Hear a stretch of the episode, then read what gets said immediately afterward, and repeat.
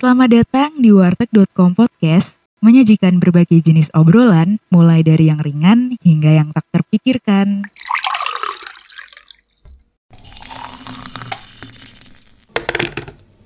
Bersama Anung di sini, Nelin di sini, dan Nadia di sini. Kita bertiga kali ini mau ngobrolin tentang situasi terkini nih. Nah, ini kan masih di masa-masa pandemi nih. Jadi tuh kita kayak melihat kalau misalkan e, masyarakat itu tuh mulai udah mulai aware gitu sekarang. Karena kan kita udah setahun lebih ya ini berarti pandeminya. Sebenarnya tuh kita pasti ngelihatnya tuh awal-awal masyarakat kaget banget gak sih sama pandemi?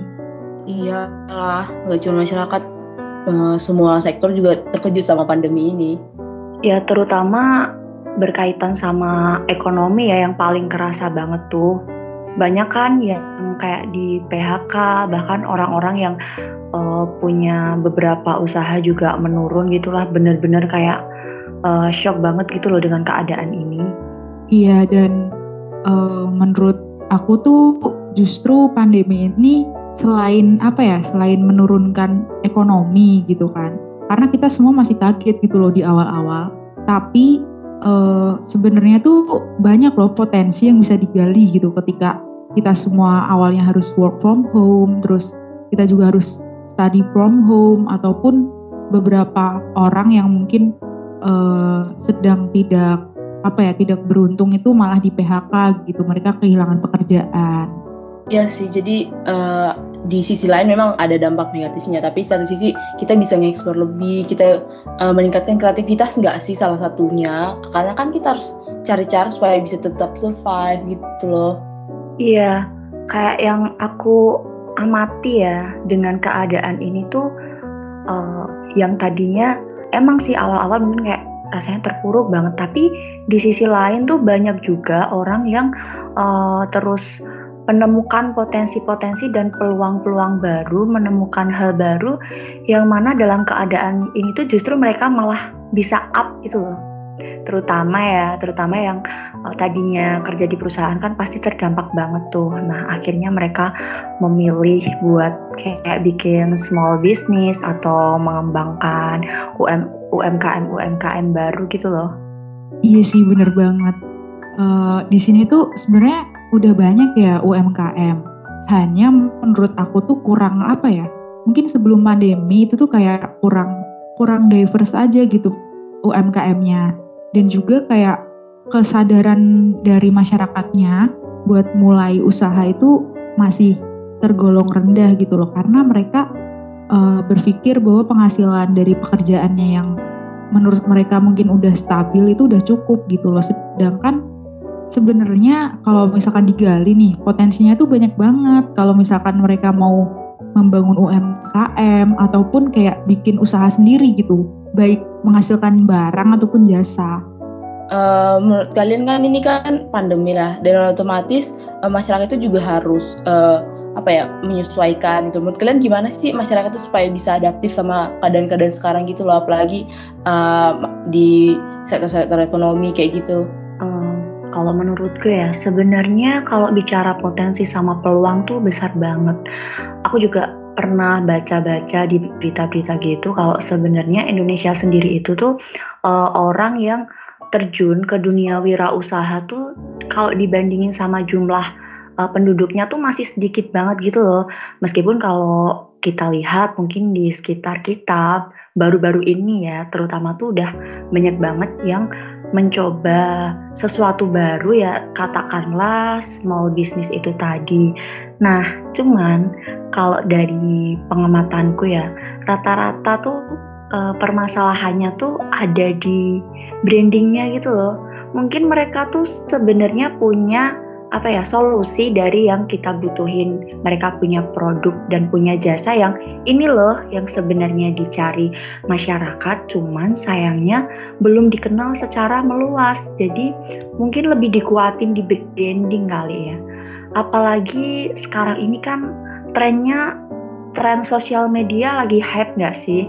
Ada Instagram, yang terbaru malah ada TikTok gitu kan? Iya bener banget. Dan kalau misalkan kita mau kreatif nih, sebenarnya kalau masalah branding itu tuh sekarang lebih mudah gitu daripada zaman dahulu gitu. Karena kan uh, kalau misalkan kita bisa ikut tren, ikut paid promote, mungkin juga kita bisa bikin konten-konten yang apa ya jatuhnya tuh kayak campaign gitu loh buat menggunakan produk lokal. Itu kan sebenarnya juga bisa dilakukan gitu kan. Bahkan juga ada advertisement yang bisa apa ya bikin brand dari UMKM masyarakat itu bisa lebih dikenal gitu. Nah mungkin juga bisa tuh dimasukin ke mitra layanan jasa antar gitu mungkin ke ya beberapa layanan jasa antar gitu yang ada di Indonesia gitu kan. Ataupun juga bisa masuk ke marketplace. Jadi uh, mungkin sasarannya atau pasarnya itu lebih luas gitu. Nah tapi masalahnya gini gitu setelah kita punya kita branding nih, kita punya konsumen. Nah terus gimana gitu caranya untuk mempertahankan? Karena kan kondisi pandemi ini tuh kayak masih extraordinary gitu dan masih apa ya? Kita semua juga masih bingung dengan adaptasinya gitu. Jadi gimana sih caranya buat mempertahankan agar atau produk atau jasa gitu yang kita punya itu bisa sustain gitu loh. Nah, kalau menurutku nih ya, kuncinya adalah istiqomah nih adalah martian itu gini loh kayak kita harus misalnya kita punya produk jangan yang brandingnya itu cuma di awal-awal gitu loh yang benar-benar cuma hangat hangat bukan. Yang panas-panas uh, di awal-awal doang. Nah kita itu harus benar-benar continue kita harus benar-benar istiqomah benar-benar serius ngejalaninnya. Kita tetap nge-branding. Kalau lama lama kelamaan tidak dilanjutkan atau tidak diseriuskan yang pada akhirnya itu produk bakalan mati sendiri. Jadi kita harus tetap benar yang namanya kontinuitas branding, kita terus branding, terus juga kita juga harus ngikut tren. Tren dalam artian yang positif ya, in a way, in positive way gitu loh. Benar-benar kita itu harus bisa adaptif.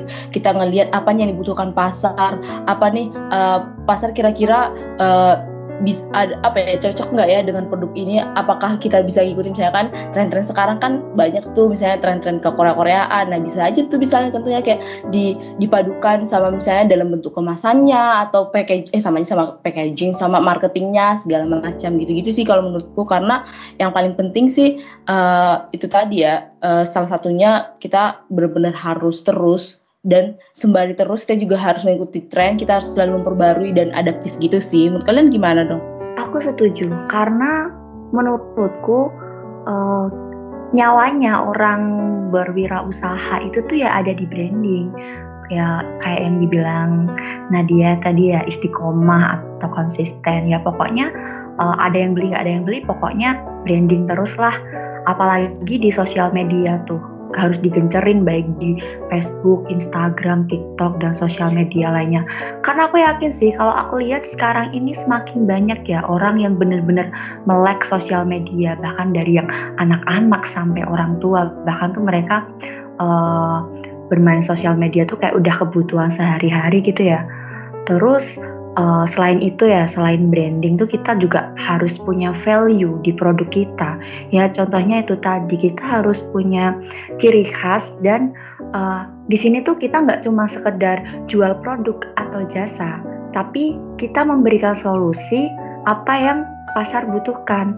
Punya value punya branding konsisten menurutku itu udah uh, modal bagaimana suatu produk atau jasa itu tetap tetap eksis dan tetap uh, ada gitu loh keberadaannya. Apalagi sekarang ini kalau tak lihat-lihat ya banyak banget tuh usaha-usaha yang memanfaatkan promo-promo, kerjasama bareng mitra, mungkin uh, ada tuh yang kalau pembayaran pakai e-commerce ini nanti dapat potongan segini, dapat diskon. Nah, itu kan juga uh, menarik gitu loh buat konsumen.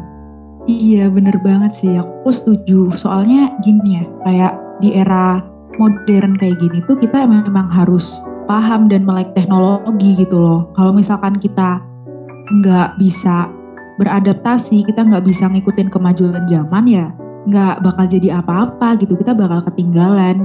Di sini tuh uh, apa ya sebenarnya kayak kita memang harus memperhatikan potensi, tapi juga kita juga harus tetap meningkatkan potensi itu gitu, menggali apa yang bisa kita lakukan gitu. Contohnya nih, uh, jadi baru-baru ini nih ada temen aku sendiri, um, sebenarnya dia masih mereka itu masih mahasiswa gitu, mereka berempat atau enggak berlima.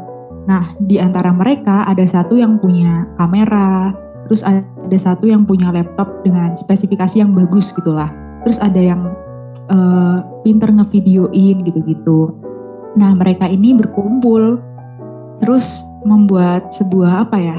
Sebenarnya usaha juga sih bisa dibilang usaha tapi dalam bidang jasa. Nah mereka uh, buka video apa ya kayak pesanan video gitu sama foto buat priwet dan buat acara-acara lain gitu. Nah di sini tuh aku bisa lihat kreativitas mereka tuh ada gitu. Karena apa? Sebenarnya dalam apa ya sebenarnya dalam keterbatasan ini dalam situasi pandemi ini mereka tuh bisa gitu loh dapat apa ya dapat keuntungan dari sini gitu. Karena kalau misalkan kita masih mahasiswa nih mumpung study from home kita kan bisa sambil-sambil apa ya ngerjain sesuatu gitu. Nah dari project ini mereka juga dapat duit yang lumayan gitu loh. Dan bisa buat uh, meningkatkan properti mereka, meningkatkan medium yang mereka pakai gitu sampai mereka bisa beli mungkin kamera baru, mungkin mereka bisa beli lighting yang lebih bagus gitu. Jadi sebenarnya tuh nggak ada alasan sih kalau misalkan kita di masa pandemi ini nggak bisa apa-apa gitu, apalagi kayak uh, generasi-generasi kita, anak-anak muda gini sebenarnya dengan kita punya laptop, kita punya handphone itu tuh sudah apa ya bisa bisa kita jadikan modal gitu loh. Jadi menurut aku sih ya kalau misalkan pengen meningkatkan kualitas diri gitu dalam meskipun dalam keadaan pandemi juga buat meningkatkan ekonomi kita sebenarnya ya tetap bisa aja gitu asalkan kita ngerti uh, situasi, kita aware dengan situasi, kita bisa memanfaatkan semua medium yang ada dan kita juga tetap apa ya update gitu dengan tren-tren terkini sebenarnya bisa aja sih ya nggak sih guys? Nah bener banget. Dan contoh yang kamu kasih itu benar real ya dan bener-bener bagus juga sih. Walaupun masih mahasiswa tapi mereka bisa ngelihat nih ada nih potensi yang bisa dikembangkan nih ada nih kesempatan di tengah dalam apa ya tanda kutip kesepitan lah ya karena ini juga masih terbatas gitu gitu loh. Dan pasti itu jauh dari ide sih. Eh ini ada nih uh, kita punya barang segala macam modal mungkin kita bisa aja tuh buat uh, bikin hal yang baru dan dari gagasan ataupun ide itu kan benar-benar akan bernilai apabila itu di, dipraktekkan langsung gitu loh. Mungkin ini juga buat teman-teman ataupun buat pihak yang luar sana mungkin pengen ngebuat uh, ataupun bikin usaha baru ataupun UMKM baru mungkin jangan hanya di ide kali ya. Kalau nggak tahu sih kalau menurut teman-teman gimana? Kalau tadi Anung contoh temennya ya. Maksudnya bisa dibilang anak milenial lah seumuran kita gitu. Nah ini aku punya uh, kisah menarik juga nih dari tanteku terus dari nenekku juga. Kan bisa dibilang tuh uh, terutama yang udah nenek-nenek ya kan kadang kan kayak gaptek. Cuman menariknya tuh gini loh uh, mereka bisa ngikutin tren loh. Meskipun mungkin dalam penggunaan sosial media ya tetap beda lah ya sama kita yang anak muda. Tapi mereka memanfaatkan mungkin anak cucunya atau uh, tetangganya yang bisa memanfaatkan sosial media yang tadinya jualan cuman ya udah jualan sekedar jualan uh, kebetulan jualannya tuh bisa dikatakan jualan di toko gitulah yang tadinya nunggu orang datang gitu doang sekarang udah mulai masuk ke kayak jasa-jasa pengiriman dan bener ngefek banget ke penjualannya bisa naik drastis gitu loh. Soalnya gini ya menurutku kalau kita nggak bisa menciptakan tren baru seenggaknya tuh kita bisa mengikuti tren yang udah ada gitu loh. Iya nggak?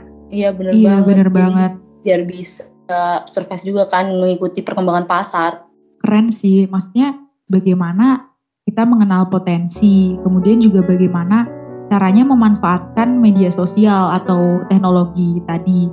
Dan kemudian juga kita harus tahu gitu caranya bermitra dengan banyak pihak yang bisa memperbaiki apa ya marketing dari produk atau jasa dari masyarakat tadi.